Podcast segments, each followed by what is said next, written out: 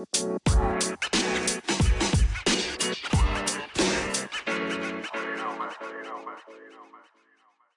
teman-teman semua, kembali lagi di podcast buku lembaran pelajar dana pribadi tanpa beasiswa tetap bisa. Oke, minggu lalu kan bersama Betari sama Kresna nih. Nah, kali ini Betarinya lagi di Barcelona, kayaknya dia liburan terus ya. Jadi makanya Hakiki di sini. Uh, kali ini kita ditemenin sama Mbak Dia Mita.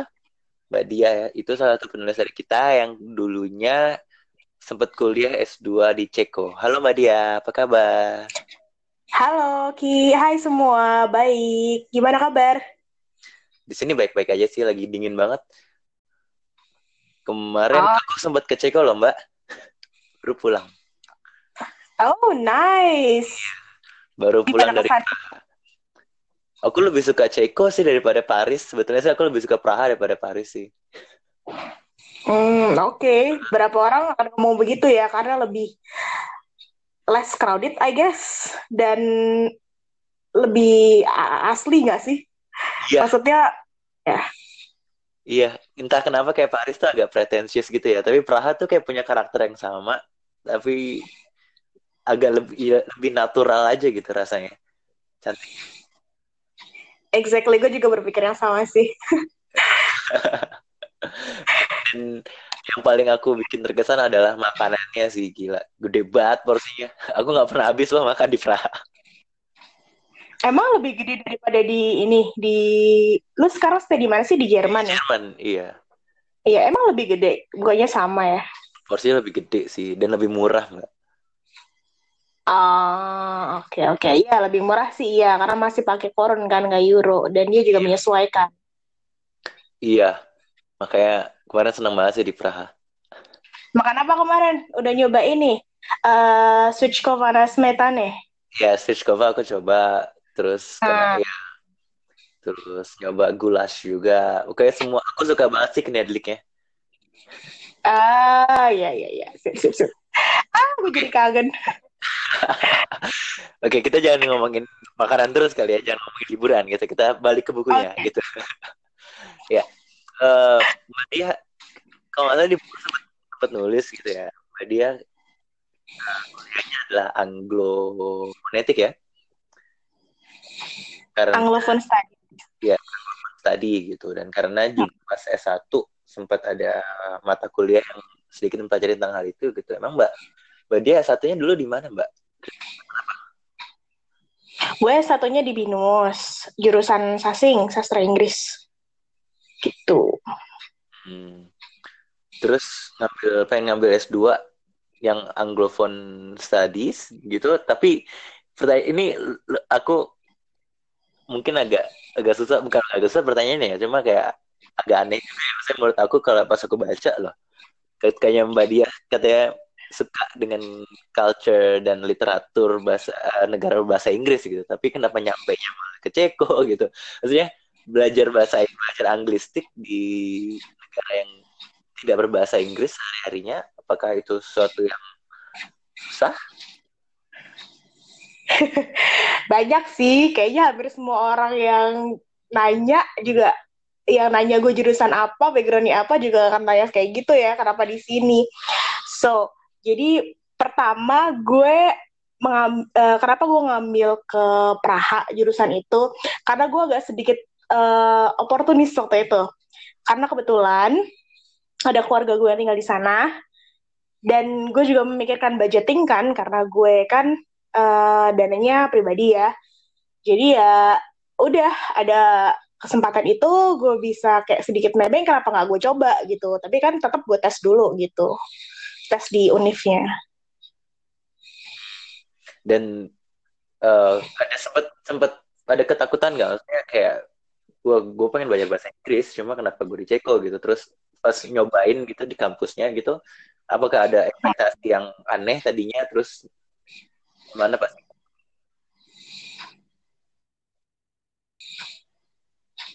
Uh, enggak sih sebenarnya.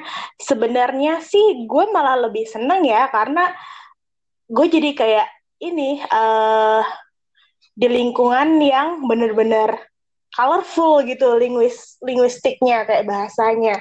Dan sebenarnya sih dosen di di kampus gue tuh nggak cuman ini nggak cuman uh, orang-orang natif uh, Ceko ya tapi mereka juga ada orang uh, Inggrisnya ada orang Amerikanya gitu jadi kayak multicultural juga di kampus gitu hmm, jadi malah itu yang membantu uh, Mbak Dia juga untuk mempelajari untuk mempelajari linguistiknya sendiri ya Iya, iya.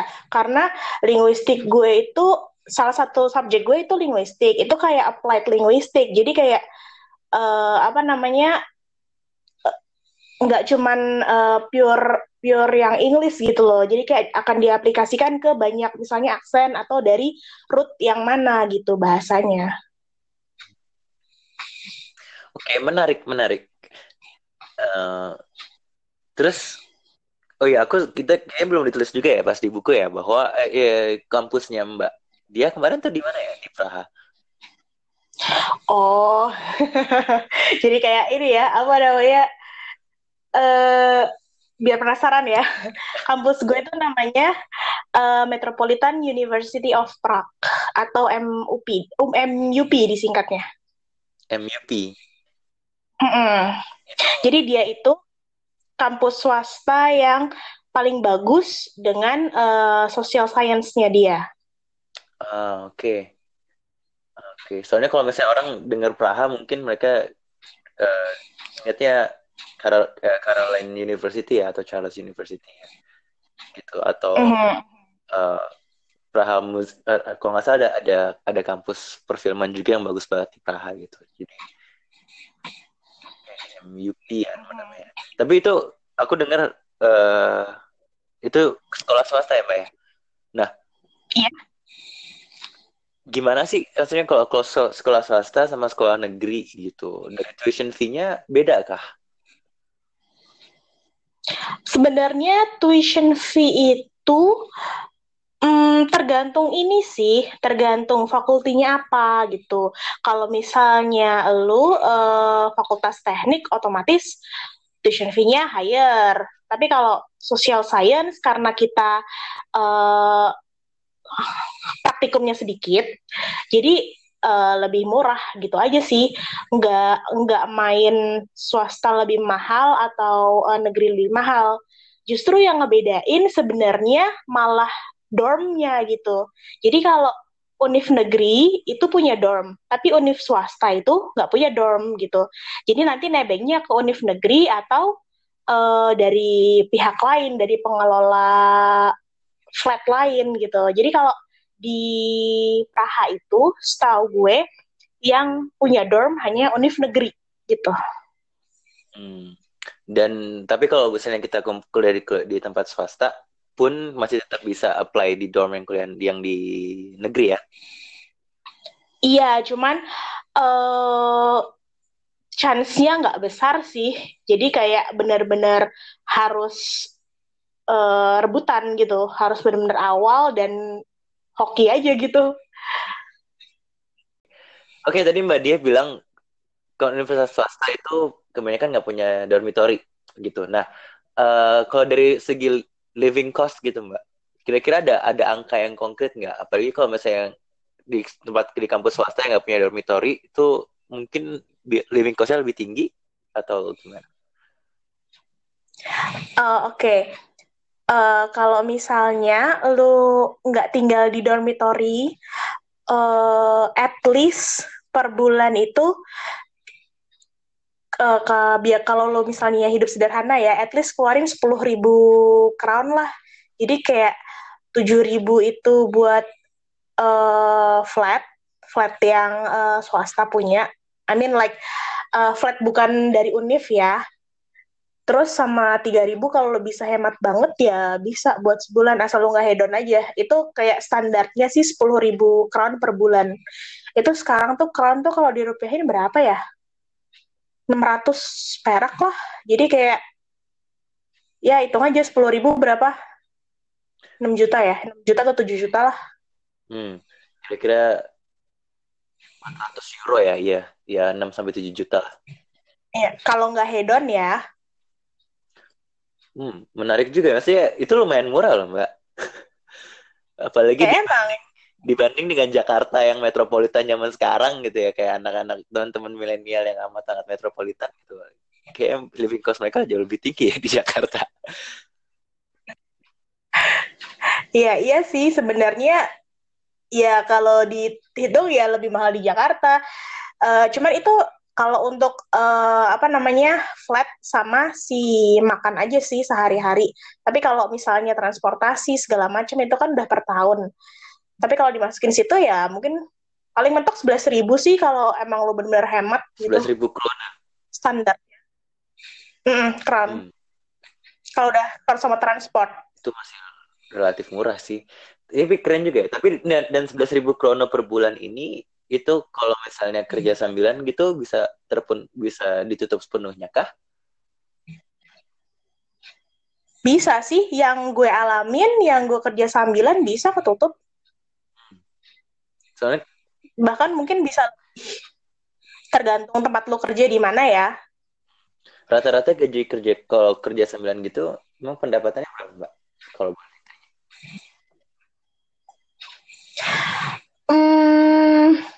gue itu gue kan kerja di restoran dan itu shift shiftan kayak uh, apa namanya seminggu itu gue nggak masuk full tujuh hari atau lima hari. Jadi kayak bisa hanya beberapa hari dalam seminggu. Itu kayak sebulan gue bisa dapat ini sih around sepuluh ribu.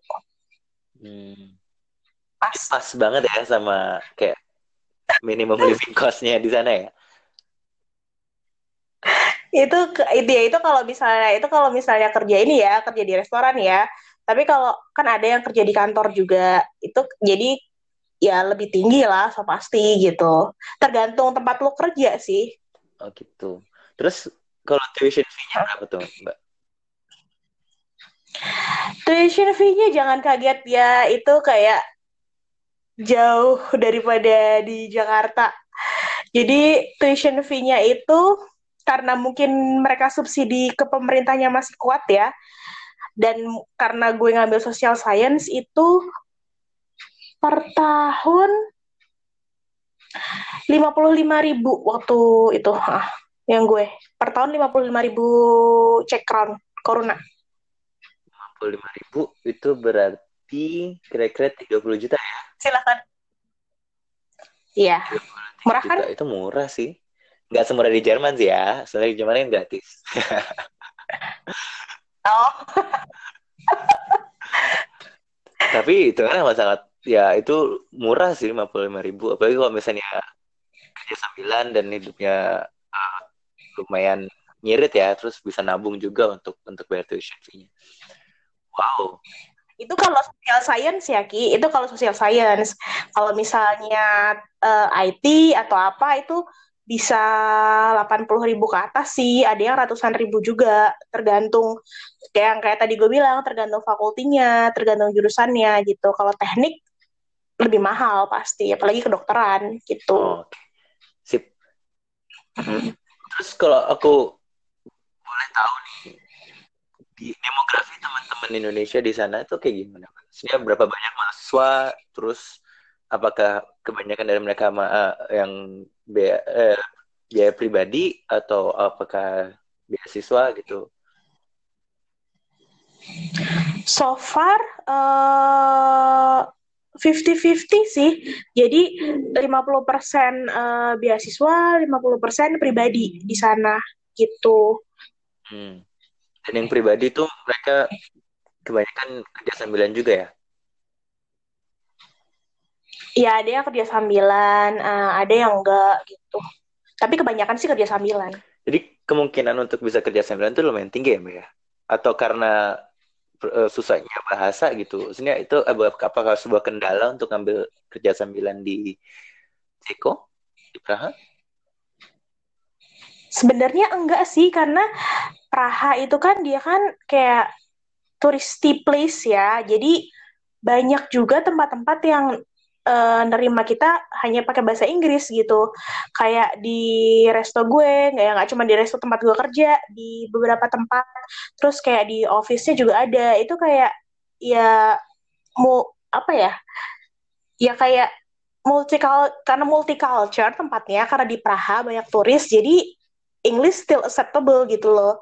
Jadi nggak harus nggak harus uh, fluent in Czech gitu iya benar juga ya. Sebenarnya banyak juga kayak misalnya karena banyak turis banyak tempat turis juga gitu kan. Jadi banyak restoran atau kafe-kafe hipster gitu yang lebih berbahasa Inggris daripada bahasa Ceko ya. Uh, iya dan kantor multinasional juga banyak di situ. Uh, Oke, okay, menarik, menarik. Terus kalau misalnya uh, Mbak Dia boleh jelasin sedikit tentang regulasinya mungkin tentang untuk kerja sambilan di Ceko atau sebagai mahasiswa gitu. Apakah ada uh, batasan jam. Atau bagaimana ya, bagaimana regulasinya visa kita sebagai mahasiswa gitu untuk survive di sana? Itu ada regulasinya sih per minggu itu berapa ya? Berapa puluh jam kerja? Tuh biasa gue udah agak lupa. Kayaknya sih uh, per minggu around 20 around 20 hours apa 25 hours gitu nanti deh boleh di googling lagi ya sorry gue udah agak lupa kayaknya 20-an deh 20 atau 25 eh, jam per minggu atau lebih ya Iya, kayak segitu. Karena kan harus part time. Kayaknya sih puluhan gitu deh, 20 or 25 ya. If I'm not mistaken ya. Jadi tolong googling lagi, tapi kayaknya around segitu. 25 jam seminggu. Itu lumayan banyak sih ya. Maksudnya kalau misalnya kita ngeliat orang kerja biasa tuh 40 jam seminggu, berarti 25 jam seminggu itu lebih dari 50 persennya ya. Gitu. Terus kemarin, uh, oh ya ditulis di Mbak Dia sempat nulis juga gitu, bahwa setahun pertama kan Mbak Dia merasa oke, okay, uh, Mbak Dia harus adaptasi dulu gitu baru di tahun kedua Mbak Dia mulai apa namanya mulai uh, kerja sambilan atau bahkan ikut summer camp itu kan untuk kerja sambilan juga sama liburan gitu uh, boleh diceritain nggak saya lebih tentang tentang hal itu gitu saya uh, apakah benar-benar butuh setahun pertama itu untuk untuk ada beradaptasi atau apakah apakah susah untuk beradaptasi di lingkungan di Ceko? Uh, depend sih kalau kalau menurut gue itu tergantung personalnya juga gitu. Kalau gue karena uh, waktu itu yang uh, gue hadapin jurusannya itu pelajarannya banyak gitu. Jadi kayak kayak double degree tapi nggak juga gitu loh yang kayak gue bilang di buku itu. Jadi gue perlu adaptasi tuh adaptasi ke akademisnya gitu, kayak ke kampusnya. Jadi gue uh, gue mikirnya sih gue tanggung jawab dulu dengan uh, dengan tujuan gue ke sini kan gue nuntut uh, dengan tujuan gue ke situ kan gue nuntut ilmu gue belajar jadi kayak gue adaptasi dengan uh, tugas-tugas gue dulu dengan pelajaran gue dulu gitu jadi gue sih merasa itu lebih ke personal sih gitu. Gue nggak bisa ngegeneralisasi semuanya kayak gitu karena pasti beda jurusan beda fakulti beda bobot juga untuk uh, tugas dan pelajaran. Nah terus uh, jangan lupa untuk bergaul juga ya. Jadi kayak uh, kerja di resto, kayak gue dapet summer camp itu juga karena hubungan pertemanan sih gitu.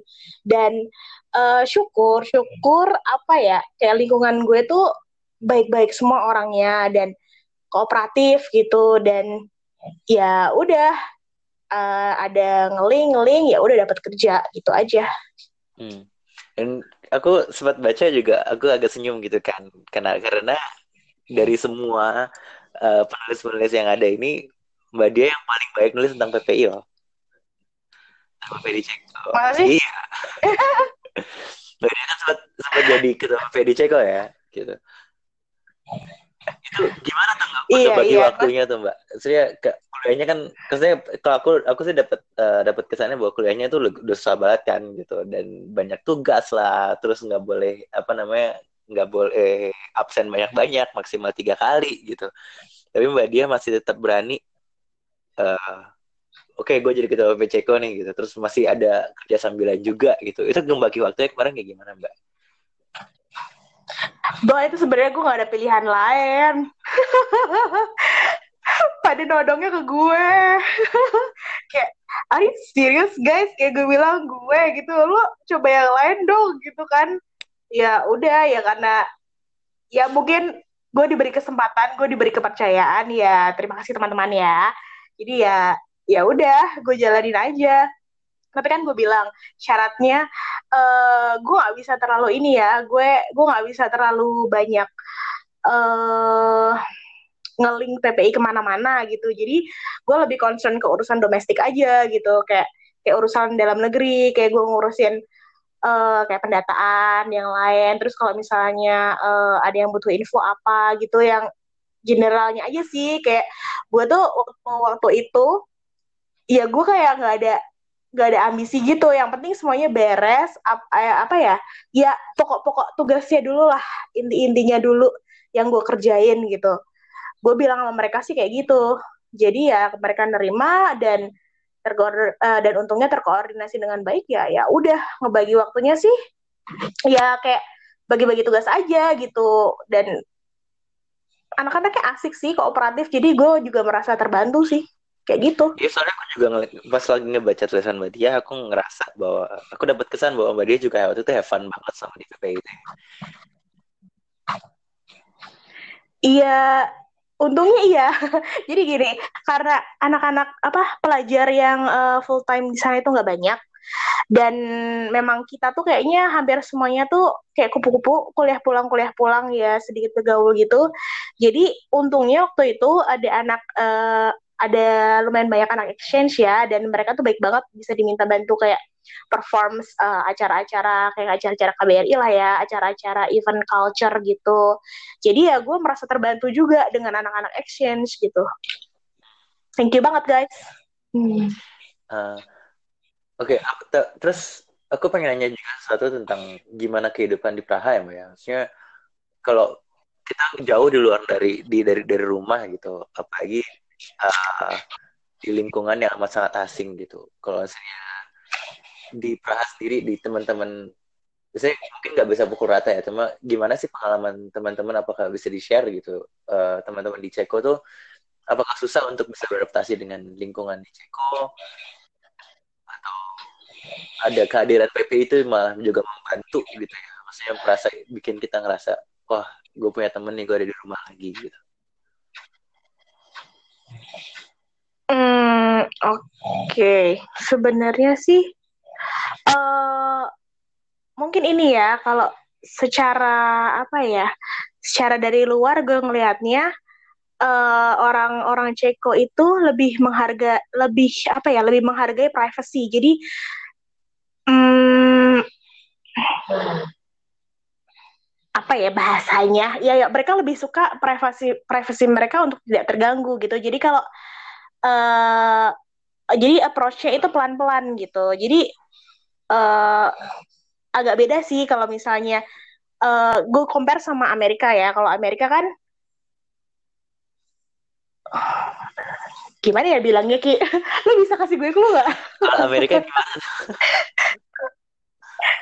Jadi kayak kalau kalau gue ketemu orang Amerika kayak hai gitu. Kalau kalau kalau ketemu orang Ciko tuh mereka kayak uh, lebih kalem gitu loh orangnya gitu. Jadi lebih kalem dulu. Uh, jadi kalau proses perkenalannya itu uh, lumayan agak ini agak panjang gitu loh. Kayak misalnya ke classmate gue gitu. Jadi kayak ramah orangnya ramah tapi lebih kalem gitu. Dan dan mereka sangat sangat menghargai privasi gitu. Nangkep nggak? Berarti kayak tipikal orang Eropa juga gitu. Tapi uh, ini agak pertanyaan agak ini ya yang uh, eh, susah, bukan susah ya, tapi lebih agak sensitif juga ya. Maksudnya uh, mereka uh, Ceko itu kan tadinya kan dari negara yang dari negara komunis gitu. Apakah kerasa gimana dinginnya mereka yang atau seperti apa tuh? Sebenarnya sih gue bilang nggak dingin kayak tadi. Gue uh, gue bahasanya lebih ke mereka menjaga privasi mereka dulu gitu loh sebelum sebelum welcome sama orang orang dari luar gitu loh. Jadi kayak mereka akan nilai lu dulu gitu. Kalau mereka udah oke okay, ya udah gitu loh. Jadi lebih enak gitu. Kalau masalah dingin atau enggaknya sebenarnya ya itu hanya hanya di awal sih seperti gue bilang itu sebenarnya sih apa ya bilangnya nggak dingin kayak lebih menjaga privasi sih kalau kalau kalau gue gue bilangnya ya jadi ya aslinya sih mereka tuh hangat loh, ramah loh. Mereka itu aslinya hampir sama kayak uh, orang Indonesia. Jadi mereka tuh kayak apa ya, family man gitu loh. Kalau kalau kalau lu udah kenal ya, kalau lu udah kenal, kalau mereka udah open, udah welcome gitu, mereka aslinya tuh kayak family centris gitu. Hampir sama kayak orang timur kalau gue bilang. Menarik banget ya. Iya itu itu gue tangkep waktu gue uh, apa namanya lagi summer camp gitu. Jadi jadi mereka masih masih apa namanya masih sangat dekat dengan uh, orang tuanya gitu. Jadi kalau misalnya ada Natal gitu ya pulang kampung, pokoknya erat apa tarik tarik keluarganya itu ah bukan tarik keluarga, tarik ke keluarganya itu sangat bagus gitu loh. Hmm. Gitu. Ya, itu menurut aku menarik sih. Maksudnya agak berbeda dengan uh, Jerman atau Prancis yang amat sangat individualistik ya gitu. Tapi kalau misalnya dari cek teman-teman di Ceko itu lebih orang-orang asli Ceko itu kayak dari awal kelihatannya mungkin agak agak jauh dan agak dingin gitu. Tapi kalau udah kenal malah ternyata mereka nggak individualis yang kita kira gitu ya. Enggak, enggak, enggak. Iya jauh jauh banget gitu loh. Ya makanya uh, tak kenal maka tak sayang dong. Tapi mereka memang uh, menjaga privasinya tuh bener-bener ini apa namanya bener-bener jaga banget gitu loh. Jadi kalau kesan awalnya mungkin memang agak dingin, tapi aslinya itu enggak gitu. Kalau emang lo udah bisa kenal ya enggak gitu. Oke, balik lagi tentang kehidupan kuliah nih, Mbak. Gitu. Uh, mau dong tips and trick gitu ke supaya bisa survive di Ceko tanpa beasiswa. Sebenarnya kayak tadi, maksudnya kalau misalnya yang yang yang amat sangat uh, biasa banget dibilangin kayak oh harus kerja kerja sambilan gitu kan itu pasti ya gitu. Cuma ada nggak tips and trick yang lain gitu yang lebih yang teman-teman tuh supaya teman-teman yang dengerin tuh jadi lebih lebih ngerasa sebagai oh oke okay, gue bisa kok ke sana gitu. Dan ini tips and triknya tips and trick gue uh, sebenarnya hampir sama aja ya lu fokus aja Ma, fokus dulu misalnya tuj kalau tujuan lu belajar uh, ya lu fokus karena uh, Ceko ini mereka cenderung ini ya cenderung serius kalau sama uh, pelajaran dan cenderung banyak tugas sih maksudnya kalau pribadi gue bilangnya agak mengikat gitu loh uh, antara murid dengan unifnya gitu. Dan kalau untuk urusan ekonomi, untuk urusan finansial, ya lapangan pekerjaan, apalagi kalau di Praha ya, itu terbuka lebar, banyak kesempatan. Asal lo pintar cari-cari peluang, pintar cari-cari info gitu, itu banyak. Uh, kayak mereka punya aduh itu apa ya namanya gue lupa mereka ada punya oh ya expat expat.cz www.expat.cz itu itu secara general mereka ada kayak banyak info-info mulai dari flat uh, sampai lowongan kerja yang part time, full time itu banyak. Uh, tapi tetap kalau misalnya gue nggak tahu dengan negara lain ya ki kayak gimana gue masih belum bisa compare. Kalau misalnya di Ceko ya menuntut perhatiannya itu memang benar-benar harus serius ke uh, sekolahnya gitu. Tapi tidak menutup kemungkinan untuk menjalankan aktivitas lain gitu. Selama lo pintar ngaturnya gitu sih. Kalau dari masalah visa gitu apakah harus berpanjang setiap tahun dan harus ngasih lihat transkrip nilai gitu kah? Atau bank account uh, gitu visa, bahkan? Visa iya diperpanjang tiap tahun, tapi nggak perlu ngasih transkrip nilai sih. Uh, bank account iya tetap, paling uh, yang dari kampus tuh diminta uh, status bahwa lo masih jadi mahasiswa aktif itu kayak surat pernyataan gitu loh. Terus sama tempat tinggal lo di mana nih, kayak fix tempat tinggal lo di mana gitu aja sih. Hmm. Satu hal yang mau aku tanya ini Mbak, selain di Praha banyak teman-teman mahasiswa di mana lagi nih? Oh, itu ada di ini di Olomouc, terus di Zlin ada, terus di Hradec kayaknya itu deh, Hah, udah Praha, Zlin, uh, Olomouc, Radical Review, oh sama Brno, Brno. Iya, jadi kayak di Ceko itu ada beberapa kota yang besar ya, beberapa kota-kota besar. Kayak yang pertama tuh Praha, terus habis itu Brno, terus habis itu Zlin gitu. Jadi kalau misalnya mau kuliah di Ceko tuh nggak nggak nggak cuma tertutup untuk Praha doang gitu ya? Enggak, enggak. Dan tempat lain uh, sama bagusnya, sama kece-nya, sama indahnya, beneran deh. Lo kalau kalau jalan-jalan keliling Praha, lo nggak nggak bakal habis berdecak, berdecak kagum. eh keliling Ceko, I mean, sorry. Iya, aku pernah sempat ada tugas dari kantor ke daerah di dekat Český Krumlov itu kan. Wah, itu bagus banget sih. Ah iya, oh iya di Český Krumlov juga, iya iya. Český Krumlov ada ini ada ada kampus tuh. Uh, gue gue kurang tahu deh, gue kurang tahu deh. Hmm. gue kurang tahu. Ya udah apa sih, saya kayak itu daerah liburan sana kan, itu cantik banget guys. Jadi kalau misalnya kalian bener ya ternyata terinspirasi sama Mbak Dia uh, kuliah di, di Ceko, kalian harus ke Český Krumlov itu, wah cantik banget dan romantis banget gitu.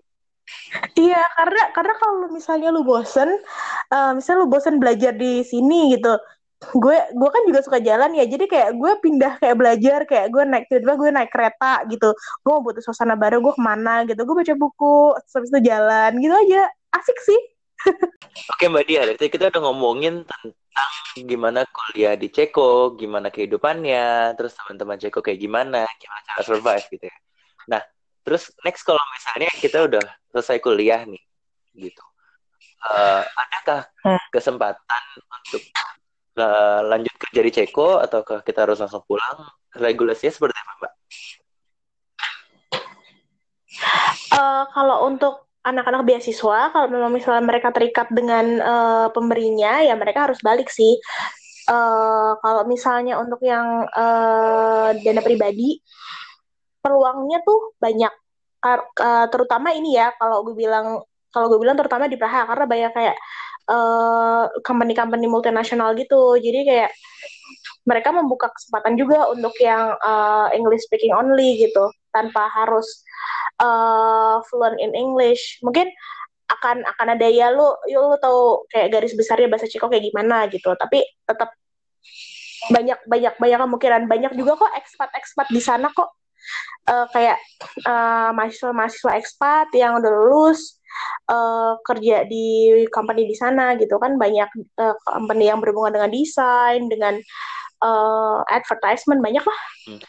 terbuka lebar. Jadi setelah kita selesai kuliah gitu dikasih kesempatan juga secara, secara visa ya, maksudnya dari dari pemerintah untuk kita nyari kerja atau kita harus dapat kerjanya dulu sebelum kita selesai kuliah.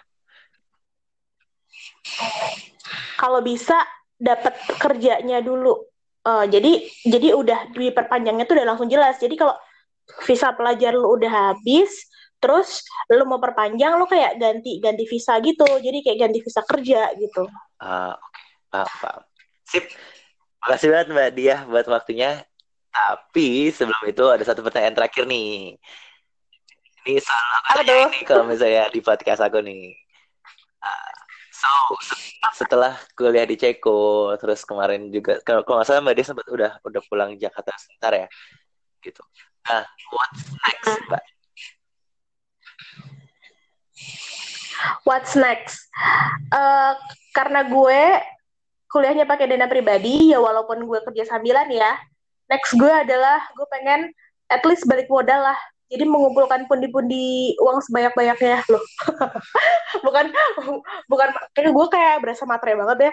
Ya enggak maksudnya aku merasa kalau ya kayak keluarga gue juga siapa pun yang mensupport gue itu uh, udah banyak berjasa lah. Jadi kayak gue ya ha, pengen work hard, play hard, and enjoy my life gitu aja. Oke, okay. sabi. itu benar juga loh, maksudnya kalau kita udah capek-capek keluar negeri terus dengan biaya pribadi gitu kan, itu tetap berarti ya emang harus balik modal juga gitu. At least balik modal ya, profitnya harus pada. ya karena pendidikan sebuah investasi juga kan, Mbak ya. Betul. Sip. Dia sekali lagi makasih buat waktunya. Terima kasih juga buat inspirasinya. Semoga teman-teman yang uh, dengerin ini juga, juga makin terinspirasi ya. Maksudnya kayak nggak banyak orang-orang tahu, maksudnya untuk keluar keluar, keluar negeri. Siapa sih yang kepikiran untuk ke Ceko gitu? Tapi sebentar, tapi sekarang gara-gara tulisan Mbak Dia dan gara semoga dengan podcast ini juga lebih membuka mata teman-teman dan pikiran teman-teman juga tentang informasi bahwa oh kuliah dengan bahasa Inggris di Ceko itu juga sesuatu kemungkinan yang patut dipikirkan juga gitu jadi opsi yang yang patut dipikirkan juga gitu. Iya, jangan jangan takut dengan ini ya, dengan apa namanya stereotip orang-orangnya. Mereka benar-benar helpful kok. Even classmate gue tuh juga helpful banget. Pokoknya oke okay deh. Mantap kalau gitu. Dia sekali lagi terima kasih. Teman-teman juga terima kasih karena dengerin podcast ini. Kita ketemu lagi di episode selanjutnya. Dadah. Bye. Thank you Hakiki. Thank you semua. Bye.